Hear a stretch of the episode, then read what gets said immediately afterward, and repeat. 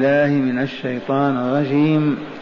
إن الذين يكتمون ما أنزل الله من الكتاب ويشترون به ثمنا قليلا أولئك ما يأكلون في بطونهم إلا النار ولا يكلمهم الله يوم القيامة ولا يزكيهم ولهم عذاب أليم.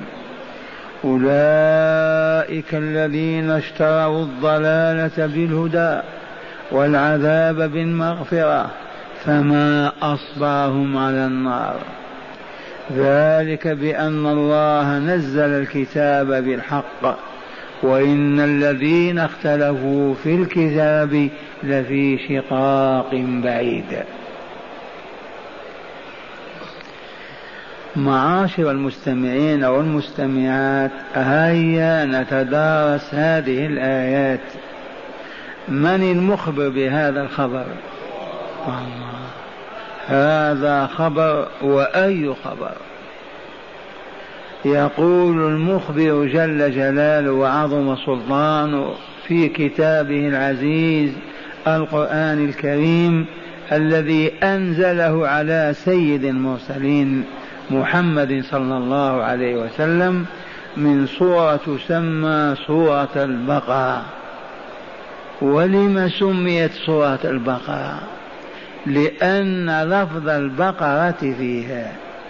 فتسمى صور القرآن ببعض الكلمات التي تمتاز بها حتى تتميز عن باقي الصور. لأن الصور مئة وأربع عشر صورة فمن تدبير الله وحكمته أن جعل لكل صورة اسما علما عليها. فهذه الصورة الجليلة العظيمة ذات الجزئين والنصف خمسة أحزاب ما اسمها؟ اسمها البقرة. إذ قال تعالى فيها إن الله يأمركم أن تذبحوا بقرة. هذا الخطاب موجه لمن؟ لليهود. وإذ قال موسى لقومه إن الله يأمركم أن تذبحوا بقرة. وإذا ذبحتموها اسلخوها وخذوا قطعة لحم منها وقولوا بسم الله واضربوا قتيلكم فإن الله يحييه وينطق ويقول قتلني فلان. لأنهم وقعت بينهم جريمة القتل فاتهم كل قبيل القبيل الآخر وكادوا يقتتلون. فمن رحمة الله بهم وإنعامه عليهم أوحى إلى عبده موسى أن يقول لهم إن الله يأمركم أن تذبحوا بقرة. قالوا أتتخذنا هزؤا؟ أعوذ بالله. أجلاف أجلاف. قساة جهلة كيف يخاطبون رسول الله بهذا؟ أتتخذنا هزؤا قال أعوذ بالله أن أكون من الجاهلين إذ لا يستهزئ إلا جاهل. أما العالم العارف بربه حاشا وأن يستهزئ أو يسخر بمؤمن. وسوف تكشف هذه الآيات عن حالهم نتركهم والشاهد سورة البقرة. إذا إن الذين يكتمون والكتمان الجحود الستر التغطية الإخفاء بشيء معلوم يغطونه يكتمون ماذا؟ ما أنزل الله من الكتاب. ما المراد بالكتاب؟ إنه التوراة. والإنجيل والقرآن أيضا. فمن كتم آيات القرآن لمصالحه ومنافعه والله لمنهم. والنصارى إن كتموا ما في الإنجيل وقد فعلوا فوالله منهم. لأن القرآن كتاب هداية عامة للبشرية كلها. منذ نزوله إلى أن يرفعه مولاه. والعبرة بعموم اللفظ لا بخصوص السبب. نعم نزلت في أحبار اليهود.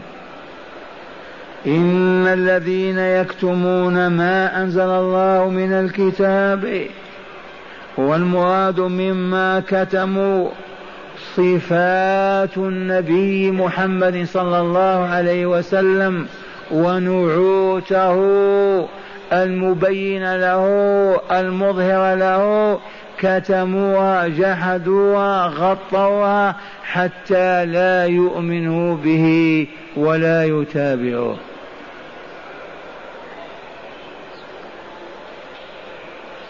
ويشترون به ثمنا قليلا. يشترون بذلك الكتمان والجحود والتغطية ويقولون إن نبي آخر الزمان لم يظهر بعد وسيظهر. أما هذا الذي ظهر الآن ليس هو. راجع حاشية فلان راجع تعليق فلان على التراث راجع شرح فلان.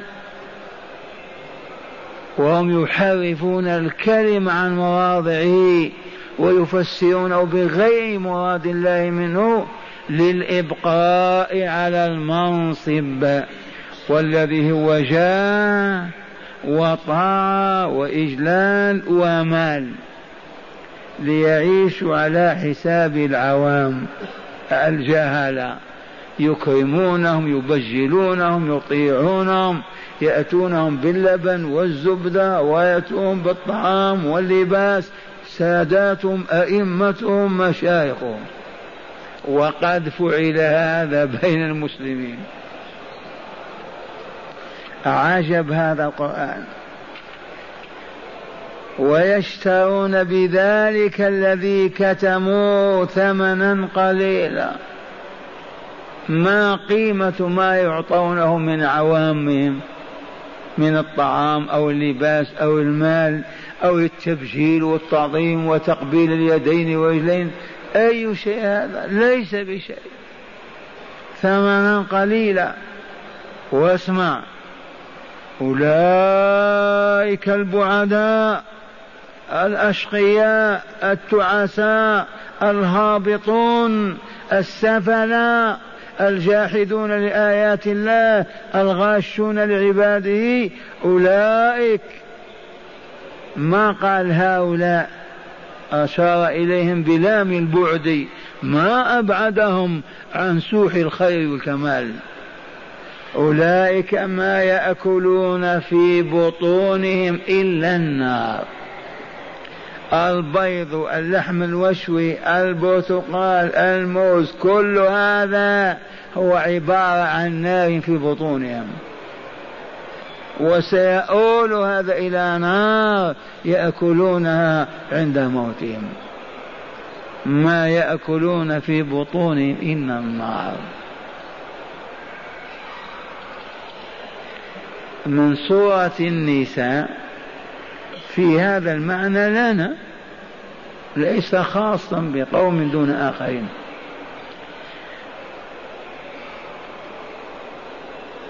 قبل يوصيكم الله في أولادكم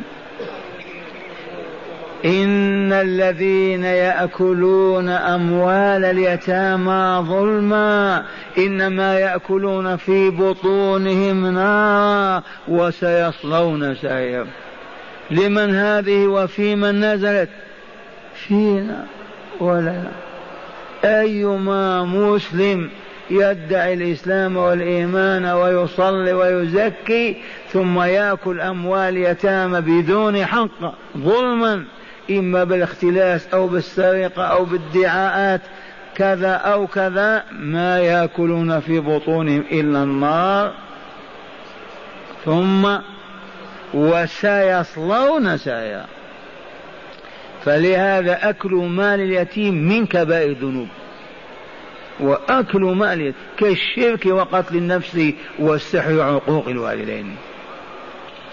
يأتي فقد أباه امتحان من الله له ووكلك أنت هذا الولد سواء ابن أخيك أو ابن أختك أو عمك أو فاحفظ ماله حتى يكبر.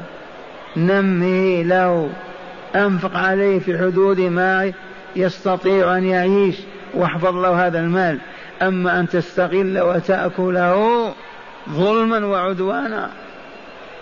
فأغلب الذين يتولون أمور اليتامى قبل هذه الإفاقة كانوا يأكلون أموال اليتامى.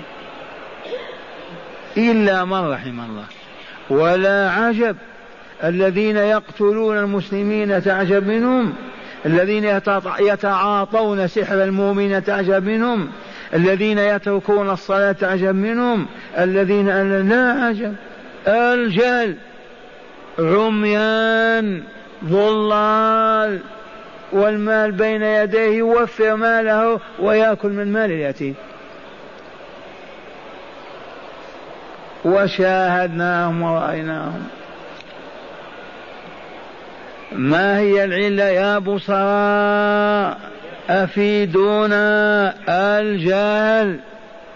الجهل بالتقنية بالسحر. ماذا؟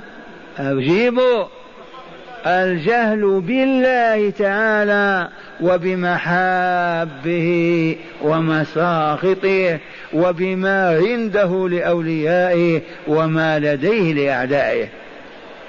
فالجاهل بهذه يفعل ما لا تتصور يذبح أباه. الجهل دلونا يرحمكم الله على طريقة نذهب هذا الجهل عن المسلمين ونبعدهم من ديارهم ليستنيروا ويعودوا إلى ربهم فتزدهر الحياة بهم ويصبحون هداة الخلق وأئمة البشرية. دلونا. نعم. أن يعرف المسلمون هذا. الذي هبط بهم وسقط بهم من علياء كراماتهم إلى أسفل الأرض. هذا الجهل يعرفون أولا كما عرفناه الآن. لا سعادة معه ولا كمال ولا هداية ولا طهر ولا صفاء ولا هدوء ولا استقرار أبدا. مستحيل. يعرفون هذا؟ هيا نطلب العلم إذن. الذي هو معرفة الله ومعرفة محابه من عقائد من عبادات من أقوال ومساخطه من ذلك وما عنده وما لديه. معرفة هذا أيها المسلمون يتتم لكم بأن تعترفوا أولا بهذا ثم تعزموا على أن لا تغيب الشمس في دياركم إلا وأنتم في بيوت ربكم. المساجد النساء الأطفال الرجال الأغنياء كالفقراء المسؤولين كغيرهم. الشمس غابت أهل القرية كلهم في بيت ربهم. النساء وراء ستائر الأطفال دونهن الفحول أمامهن والمعلم المربي أمامهم. يتعلمون ليل آية وأخرى حديثا. وهذا هو الكتاب وهذه الحكمة. يزكيهم ويعلمهم الكتاب والحكمة. وفي كل القرى والمدن. المدن ذات المناطق. كل منطقة في المدينة أو حي كما يسمونه يوسعون مسجدهم حتى يتسع لأفراد الحي كلهم ذكورا وإناثا. ويجلسون من المغرب إلى العشاء. يقف دولاب العمل لم يبقى واحد في الشارع ولا في البيت ولا ولا. أين أهل الحي؟ في بيت ربهم. في بيت ربهم ماذا يريدون؟ يريدون رضاءه يريدون أن يحبهم. يريدون أن يسعدهم ويكملهم. يريدون أن يرفعهم. أن يعزهم بما فقط بمعرفته التي توجد لهم حبه في قلوبهم أكثر من حبهم لأنفسهم. وتوجد لهم خوفا في نفوسهم فترتعد فرائسهم إذا ذكر ربهم بين أيديهم. فضلا أن يكفروا أو يكذبوا أو يفجروا. هل فهم السامعون هذه اللغة؟ كم كررناها؟ بالله الذي لا إله غيره. لن يرتفع شعب ولا أهل إقليم ولا أهل بلدة ولا قرية ولا حي في العالم الإسلامي إلا من هذا المبدأ اقبلوا أو لا تقبلوا. والبرهنة والتدليل كالشمس ما يحتاج. ثم نقول لما ما نفعل هذا؟ اليهود والنصارى والكفار والمشركون إذا غابت الشمس دقت الساعة السادسة وقف دولاب العمل. إلى أين يذهبون؟ إلى المقاهي الملاهي المراقص ال ال ال إلى نصف الليل. لا لوم. بهائم على الأرض لا هم لهم إلا شهوة بطونهم وفروجهم. والمسلمون لما ما يذهبون إلى ربهم؟ ما هو المقاهي والملاهي؟ يجلسون في بيت مولاهم يستمطرون رحماته ويضفي عليهم آلاء وإنعامه ورضاه. سنة واحدة وهم كلهم أولياء الله. فاختفى الفقر والظلم والفسق وسوء الأدب وأصبحت القرية كأنهم ملائكة في السماء. لم ما نعمل هذا؟ ما وجدنا لهذا جوابا. أبدا. إلا أن نقول كتب الله هذا. إذا إن الذين يكتمون ما أنزل الله من الكتاب ويشترون به ثمنا قليلا أولئك ما يأكلون في بطونهم إلا النار ولا يكلمهم الله يوم القيامة. والمراد من عدم التكليم تكليم التكليم التكريم والإكبار والإجلال والرحمة. أما التكريم التكريم بالإهانة يكلمهم اخسأوا فيها ولا تكلموني. هذه كلمات ولا لا؟ يقول لأهل النار اخسأوا فيها ولا تكلموني. ولا يكلمهم هنا تكليم تكريم وإعزاز وإكبار شأنهم كما يكلم أولياء. أما أعداء لا يكلمهم إلا تكريم الإهانة والتصغير والتحقير لما يصرخون في النار يقول اخسأوا كما تقول الكلب اخسأ في مكانك ولا تكلمونا إنه كان فريق من عبادي يقولون ربنا آمنا فاغفر لنا وارحمنا وأنت خير الراحمين فاتخذتموهم سخرية وكنتم منهم تضحكون. تعرفون في الذقن. يسخرون بالمؤمنين الآن.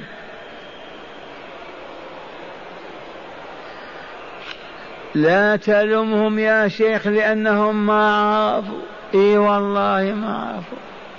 الذي عرف يسخر من سنة الرسول من شرائع الله ودينه. والله ما كان يرضى أن يصوب أو يقتل ولا يسخر من دين الله. لكن لما كانوا جهلاء جهلاء يقرؤون ويكتبون وهل الكتابة هي العلم. عدنا من حيث بدأنا علموهم. تعالوا نتعلم ما نستطيع. مشغولون. من طلوع الفجر إلى المغرب. اترك هذا الشغل. لا مشغولون. الدنيا. ولا يزكيهم أيضا. لا يكلمهم ولا يزكيهم. معنى يزكيهم يشهد لهم بأنهم أطهار أصفياء. لا ليس هذا المعنى. أي ولا يطهرهم من ذنوبهم وأوضارها حتى يدخلهم دار السلام. لا يزكيهم. تبقى أدرانهم وأوساقهم وذنوبهم عليها عليهم حتى يعيشوا في جهنم. ولا يخرجون منها. وأخيرا ولهم عذاب أليم. الأليم الموجع الشديد الإيلام. آلمه يؤلمه العذاب إذا اشتد عليه وما أطاقه. هذا العذاب ألوان. تريدون صورة منه؟ عطشت ظمئت ماء فيؤتى بقدح من الحميم ما يدنيه من فمه حتى تسقط جلة وجهه. آية الكهف. وسقوا ماء حميما فقطع أمامهم ماذا نعرف عن عذابهم؟ قطعت لهم ثياب من نار. يصب من فوق رؤوسهم الحميم. يصهر به ما في بطونهم والجلود ولهم مقامع من حديد. أهل النار ما ذباب مثلنا. حتى تقول ضربة واحدة تكفيه إن ضرس أحدهم والله كجبل أحد. أقسم بالله. لأن جسمه عرضه فقط أخبر به أبو القاسم أنه مئة وخمسة وثلاثين كيلومتر. وهل كان على عهد الرسول كيلومتر؟ كيف تقول كيلومتر يا شيخ؟ الرسول قال إنما بين كتفي الكافر يوم القيامة في النار كما بين مكة وقديد. مكة وقديد تعرفون قديد؟ 135 كيلو. خليها 130 كيلو. فهذا العرض فقط لا تسأل عن الطول إذن. فضرسه كجبل أحد. فلهذا يحترق يعذب ملايين السنين ما يفنى. ولهم عذاب أليم. ثم قال تعالى خبر بعد خبر. أولئك الذين اشتروا الضلالة بالهدى والعذاب بالمغفرة. اشتروها وإلا لا؟ بكتمان الحق وصرف الأمة عنه ليعيشوا سادا أغنياء مرهفين أو مرفهين باعوا آخرتهم بدنياهم. أولئك البعداء الذين اشتروا الضلال بالهدى.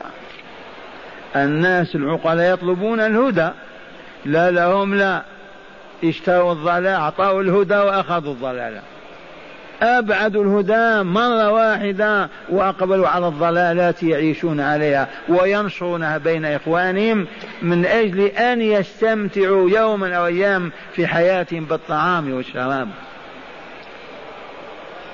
قال تعالى أولئك الذين اشتروا الضلالة بالهدى والعذاب بالمغفرة. اشتروا العذاب بالمغفرة وإلا كل من فسق فجر كفر اشترى الضلال بالهدى واشترى العذاب بالمغفرة.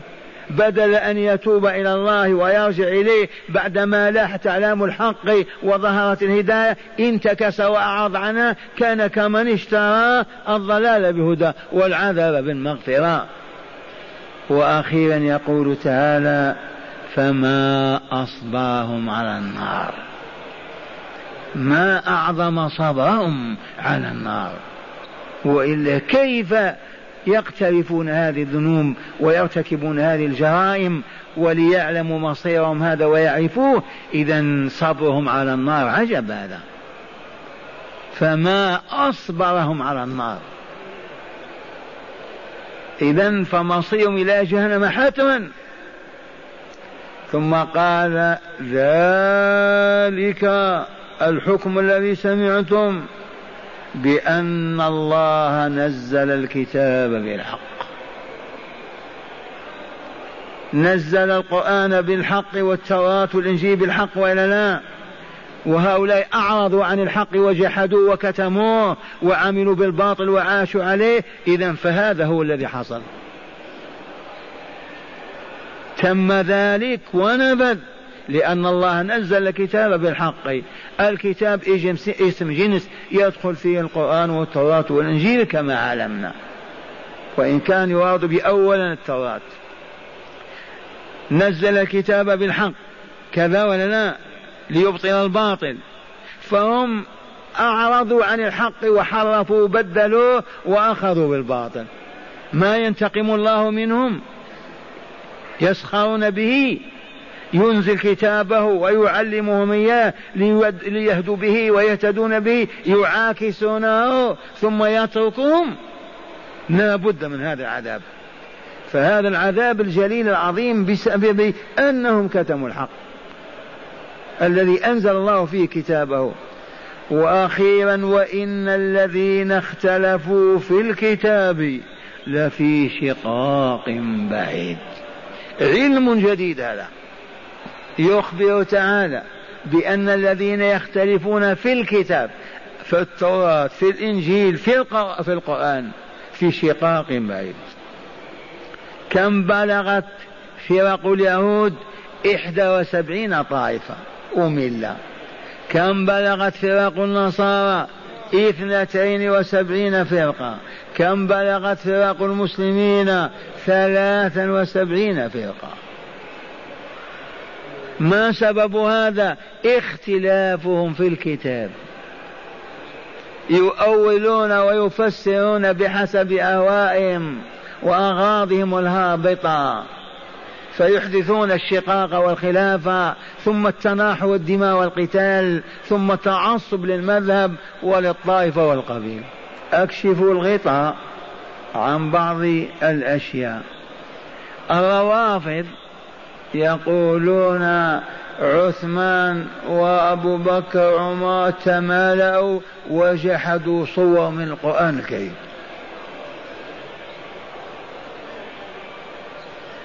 قالوا الآيات التي فيها أثنى على آل البيت وحقوق آل البيت وكله كتموا وجحدوا. اختلفوا معنا ولا لا؟ إذا هل نحن وإياهم على اتفاق أو شقاق؟ شقاق. بعيد أو قريب؟ بعيد. كما بين الشرق والغرب. آية واضحة.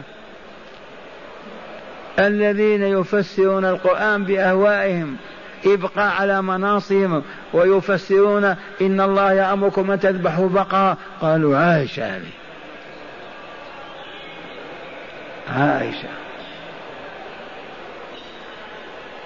والشاهد ما من قوم اختلفوا.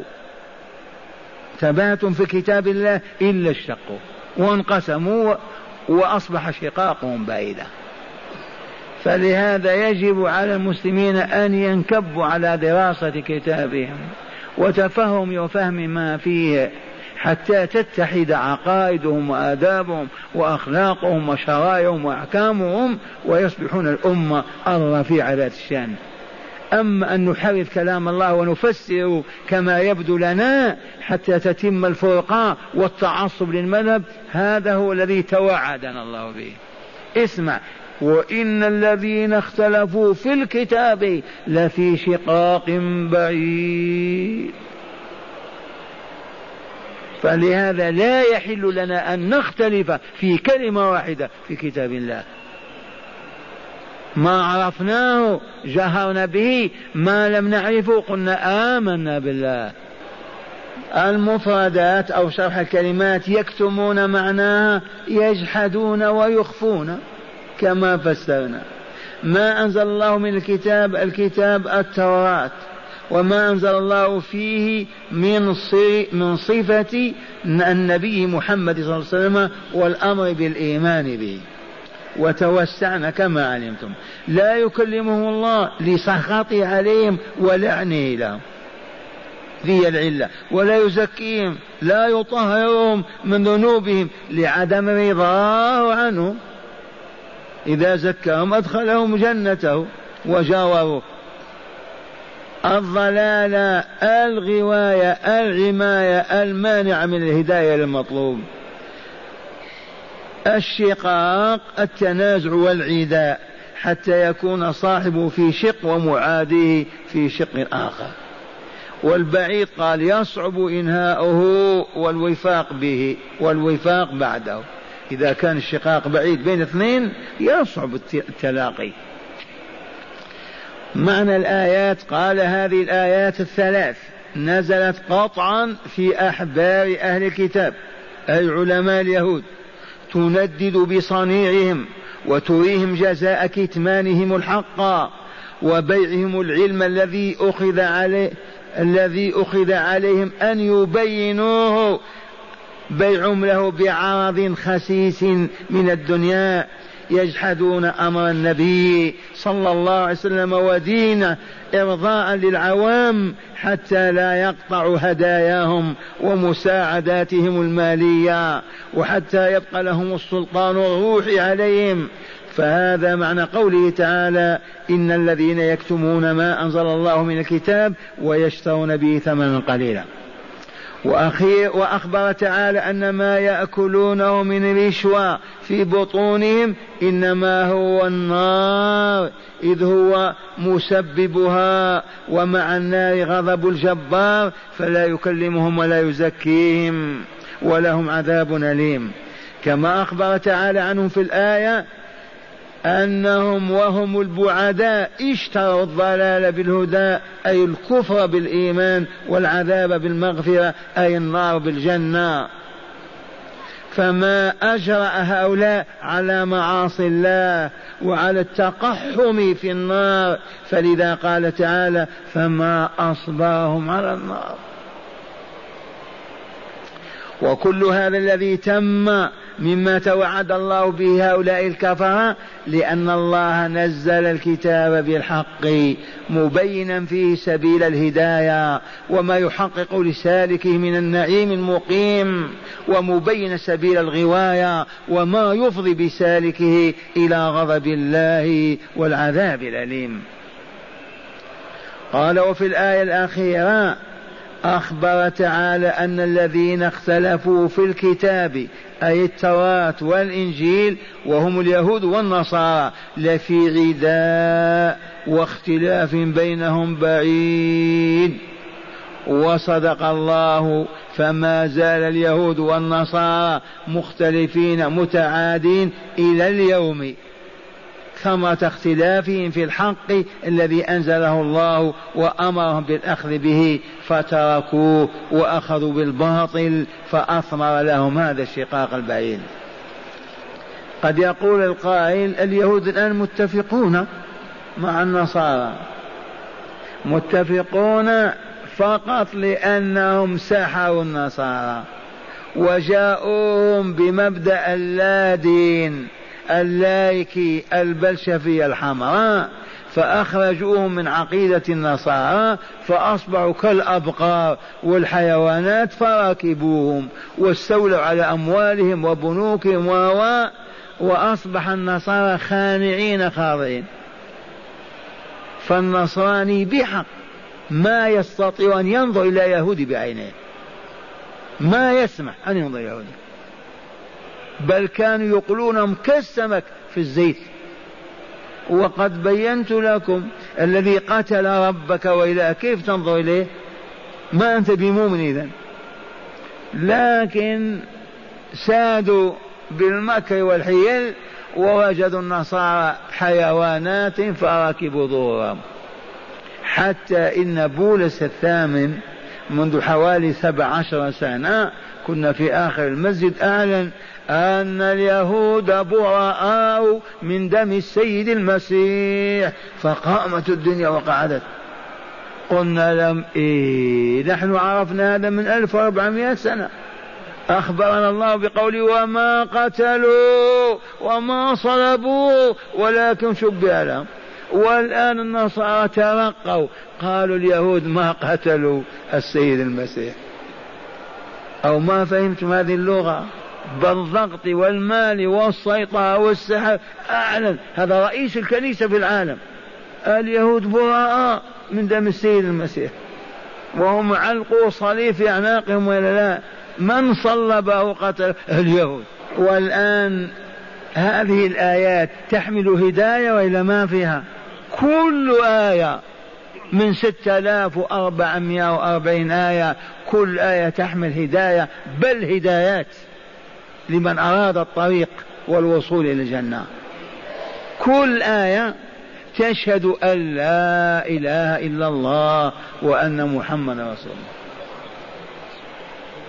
صح هذا وإلا ما عرفتموه؟ كل آية هذه الآية من أنزلها؟ نبتت بها شجرة. قالها إبراهيم وإلى عثمان لا لا لا. ما فيه إلا أن الله أنزلها الله موجود. هذه الآية تحمل العلم وإلا الله عليم حكيم. تحمل هداية للخلق وإلا لا. إذا لا إله إلا الله. والذي نزلت عليه من هو؟ محمد بن عبد الله. إذا رسول الله وإلا؟ والله إلى رسوله. كيف ينزل عليه كتابه؟ وما هو رسوله؟ يعطيه كتابه ويبلغ يقول ما أنت رسول مستحيل هذا عقلا. كل آية تقرر معنى لا إله إلا الله محمد رسول الله. فضلا عما تحمل آداب في الأخلاق في الأموال في الحياة كلها. قال من هداية الآيات أولا واحفظوا. حرمة كتمان الحق لا يحل لإنسان أن يكتم الحق. ما معنى يكتمه؟ ما عرفنا. يجحده يغطيه ما يعترف به. لا سيما إذا كان للحصول على منافع دنيوية مالا أو رئاسة يكون أبشع. كتم الحق من أجل ريال وإلا بقرة وإلا حرام. لكن هين بالنسبة لمن يكتم الحق من أجل أن يستعبد البشر أو يصرفهم عن الله. فرق كبير. الذنوب تتفاوت. كتمان الحق محرم ولو في بيضة تجحده وتكتمها لكن كونه يكتم الحق من أجل أن يتوصل إلى منافع دنيوية ميالا أو رئاسة هذا أبشع. لأنه يصرف الناس عن الحق والعمل به والانقياد له. ثانيا تحذير علماء الإسلام مما من سلوك مسلك علماء أهل الكتاب. عرفتم؟ لأن هذه الآيات وإن نزلت في علماء الكتاب ونحن ما ننتفع بها. كل من يسلك سلوكهم هو منهم وإن كان هاشميا قرشيا تحذير علماء الإسلام من سلوك مسلك علماء أهل الكتاب بكتمانهم الحق وإفتاء الناس بالباطل للحصول على منافع مادية معينة. ولما هبطت أمتنا ظهر فيها علماء ومشايخ طرق وزوايا يفعلون صنيع اليهود علماء اليهود بالضبط. يجحدون الحق لتبقى لهم تلك المنزلة. أعطيكم مثلا وإلا لا وعشناه. لما بدأت فكرة التوحيد قباب والخرافات والبدع يقولون لأتباعهم لا تستمعوا لهؤلاء هؤلاء وهابيون. هؤلاء وهابيون. عرفتم؟ والله العظيم. ليصرفوهم عن الحق. لأنهم إذا انصرفوا عنهم ذهب ذاك المنصب الذي كان لهم. هذا كان يأتي بدجاجة وهذا يأتي بشاة هذا كذا هذا يقبل رجلين والآن من؟ كلنا سواء. إذا هذا ويوجد أيضا علماء. يفتون بالمال ويحللون الحرام في الفتية. وهذا انتشر في العالم الإسلامي فترة طويلة. ما يفتيك مجانا أبدا. تسأل عن طلاق فتي طلاق هات ألف ريال. يفتيك ويحل لك الحرام. إذا كفرتها أتشهد بهذا يا أزهري؟ إي نعم. لا لوم ولا عتاب لأنهم ما عرفوا. ما علموا ما عرفوا ربهم. معرفة أوجدت خشيته في قلوبهم ومحبته لهم. فلهذا يفعلون. علوم سطحية مادية فقط. ثالثا التحذير من الاختلاف في القرآن الكريم. ما حذرنا الله وإلا الأول اختلفوا في الكتاب فهم في شقاق بعيد. فإذا اختلفنا نحن في القرآن والله لتم هذا. وقد حصل فهذه الطوائف الأباضية الزيدية الجعفرية ال والله لا اختلاف في القرآن. في تفسيره ومعانيه. لو أقبلوا على الحق وأرادوا لانتهى الخلاف في ساعة واحدة. لما نختلف؟ أو يجوز الاختلاف؟ هو الذي هبط بأمة الإسلام إلى الأرض. أنت تفهم معنى الآية كذا هيا نستعرض آية القرآن ونحضر العلماء وتثبت القضية بيننا. واقبلها وطاط رأسك. وإن عاش أسلافك وأجدادك ألف سنة على الباطل ما تبقى أنت على الباطل. أنت تريد النجاة وإلا لا؟ تريد دار السلام وإلا لا؟ أو تريد فقط بقاء العصبية لقبيلتك؟ أو لحزبك وجماعتك. التحذير من الاختلاف في القرآن الكريم لأجل ما يفضي إليه من العداء والشقاق البعيد بين المسلمين وهو واقع ثابت من ألف ومئة سنة أو مئتين. من ألف ومئة سنة.